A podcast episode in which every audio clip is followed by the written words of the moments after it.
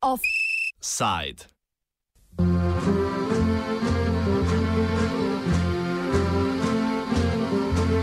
Očrnjena gora.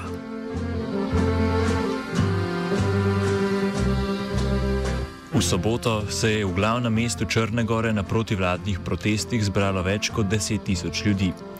Protestniki so v pohodu po središču Podgorice opozarjali na sistematično korupcijo v črnogorski vladi in pristransko poročanje državne radio-televizije. Proteste, ki se odvijajo že tretji konec tedna zapored, organizira neodvisna skupina državljanom z imenom 97 tisoč, ki jo sestavlja nekaj vid najvidnejših nevladnih organizacij in civilnih inicijativ. Opozicijske stranke so protest sicer podprle, a so vodje protestov izredno zahtevali, da v protestih v večji meri ne sodelujejo, da ohranijo njihovo neodvisnost.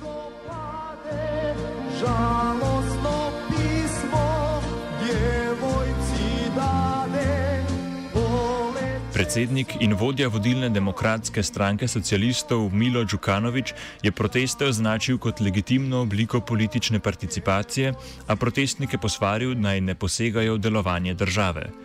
DPS je v Črni gori na oblasti že skoraj 30 let, vse od razpada Jugoslavije. Djukanovič je bil večino tega obdobja s krajšimi premori predsednik vlade ali države in s tem spada med evropske voditelje z najdaljšim obdobjem na oblasti. DPS že vse od začetka nasprotniki neodvisne zunanje organizacije očitajo korupcijo in močne povezave z organiziranim kriminalom. Konec preteklega leta pa je stranko in državo pretresla afera, ki obeta možnost političnih sprememb v državi. O zahtevah protestnikov Vanja Čalovič-Markovič, generalna direktorica nevladne protiokupacijske, protikorupcijske pardon, organizacije MANS.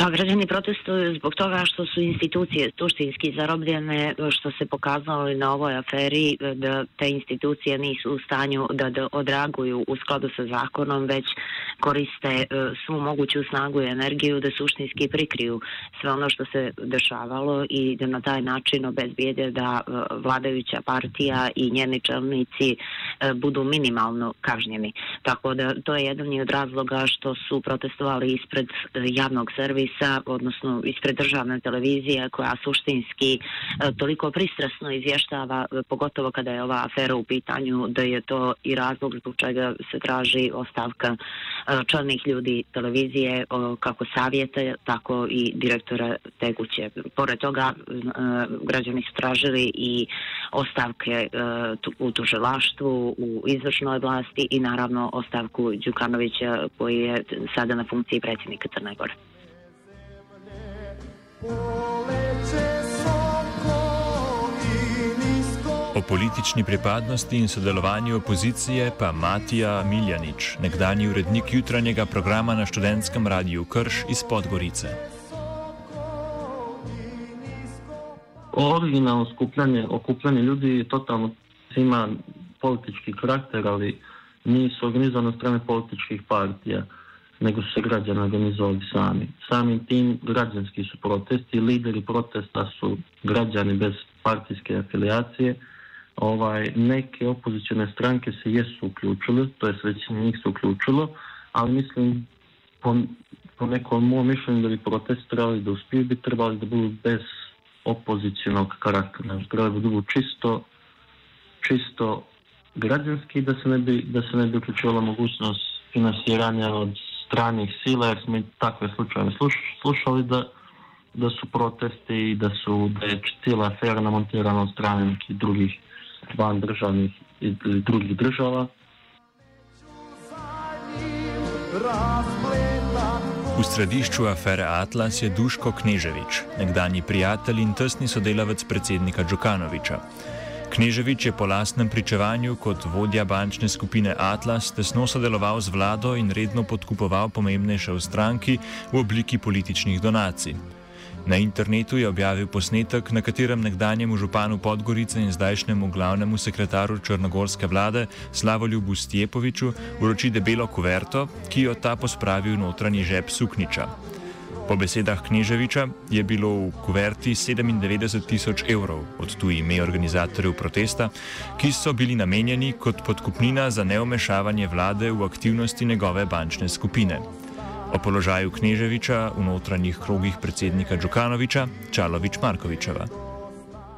I on je čovjek koji je bio u srcu tih afera i pomagao je izvršenje nekih od njih. Mi recimo konkretno konačno je objavio javnosti na koji način je Đukanović uzeo uh, taj neki čuveni njegov kredit i, i tako stekao svoj prvi milion. Zbog toga je ta afera toliko i uzburkala javnost jer je na neki način pogodila u sam vrh režima i institucije koje su trebale da se pozabave tim slučajevima su paranilisane kao i svaki put kada je u pitanju Milo Đukanović. Zbog toga e, smo vidjeli da je i tužilaštvo uradilo sve što može da ne procesira Đukanovića, da ne procesira na adekvatan način njegovu partiju jer poseban dio cijele priče se odnosio na nezakonito finansiranje e, vladajuće demokratske partije partije socijalista u oči parlamentarnih izbora 2016. godine gdje je postao video snima koji je pokazao da je riječ uh, o donacijama u gotovini koje je dao Duške Kneževića koje nisu zabilježene nigdje u zvaničnoj dokumentaciji DPS-a. Znači reakcija tužilaštva na tu aferu je bila izuzetno mlaka i sa druge strane vidjeli smo dakle da neće biti nikakve ozbiljnije odgovornosti po tom pitanju. Poleg omenjenega posnetka je s pričevanjem težave potisnil večino visokih funkcionarjev vodilne DPS. Ni jasno točno, kaj je Kneževiča spodbudilo v priznanje in razkritje posnetkov. Verjetno je v zadju nek spor povezan z omenjenimi bančniškimi posli, saj je medtem državno tožilstvo Kneževiča obsodilo zaradi pranja denarja v višini pol milijarde evrov. Nekateri politični komentatorji špekulirajo, da vlada išče grešne kozle za sistemsko korupcijo v državi, ki jih bo lahko predstavila kot uspešno prakso boja proti korupciji v teku pristopnih pogajanj z EU. Bo Kneževič sedel pred sodišče v Črni Gori? To je sad teško procijeniti. Ja, koliko znam, iako je specijalno tužilaštvo najavljivalo, a, mislim da još uvijek zvanično nije raspisana međunarodna potjernica, nisam potpuno sigurna, ali mislim. Međutim, e, e, Knežević ima e, državljanstvo Velike Britanije. To su saopštili njegovi advokati, ja mislim da je saopštio i on i u tom smislu to je sada nešto što komplikuje stvari. Dakle, pretpostavljam da će tužilaštvo tražiti izručenje od Velike Britanije, a sve su prilike da će Knežević tražiti da ne bude izručen, obrazlažući da neće imati pravično suđenje u Crnoj Gori. U svakom slučaju taj proces će vjerovatno potrajati i pretpostavljam da će samim tim Knežević i nastaviti da e, na neki način plasira u javnost um, ono što zna o Đukanoviću u njegovom najbližem okruženju. Knežević je nudio da bude saslušan uh, u okviru međunarodne saradnje u Londonu, međutim specijalno tužilaštvo je to odbilo i oni žele da on bude ovdje izručen.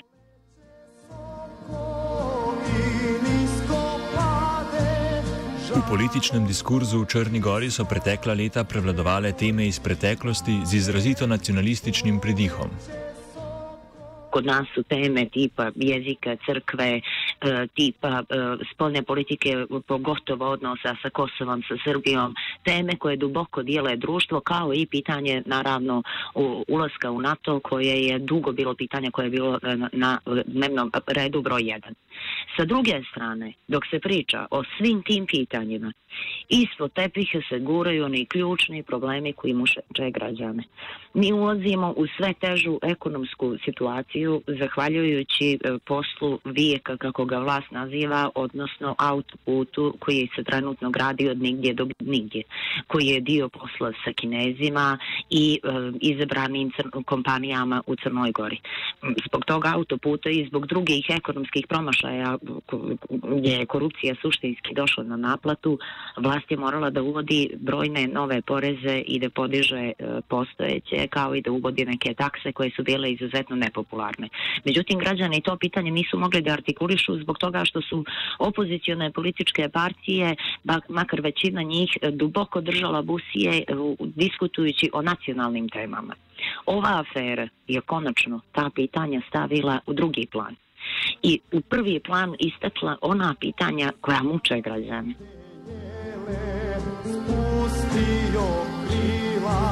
Problem neenotnosti opozicije in slabega opozicijskega programa se manifestira tudi v medlih odzivih predstavnikov EU, ki v Podgorici spremljajo priplave Črne gore na odprte pristopnih pogajanj.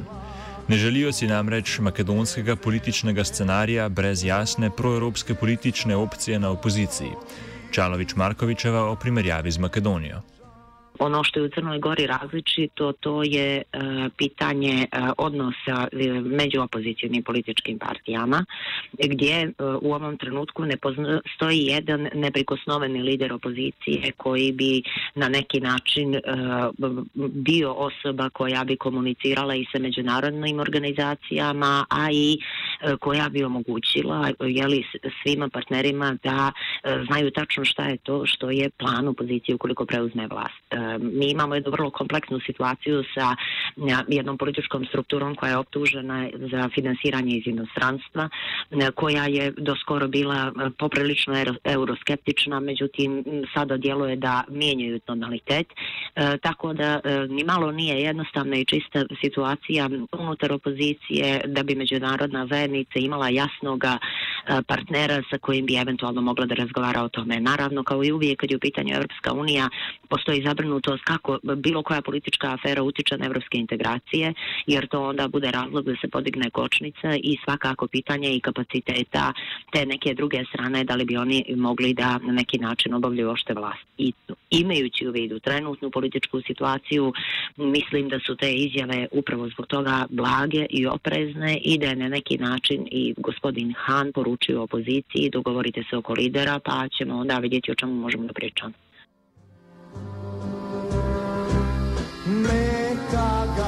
Po mnenju Miljaniča je ključ do političnih sprememb razdor v vodilni stranki DPS, saj bi samo tako lahko razpisali nove volitve ali sprejeli spremembe v parlamentu.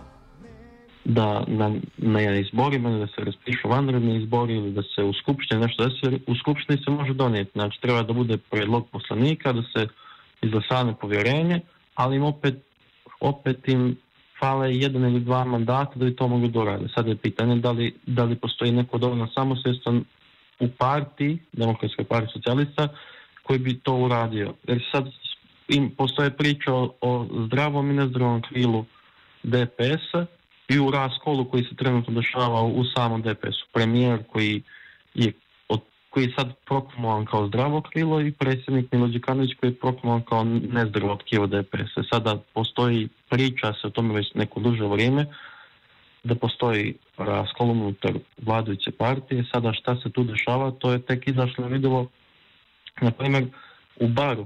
U baru je treba se desiti izgradnja vrtića, ali su građani bar izašli na protesti, protestovali su duži niz dana i onda u jednom trenutku je premijer Duško Marković izašao i rekao da neće da se gradi vrtići, da, da onda je kao pomagao je proteste na to, iako je, iako je ta odluka bila odluka Demokratske partije socijalista, pa tu se dešava raskol između predsjednika i premijera.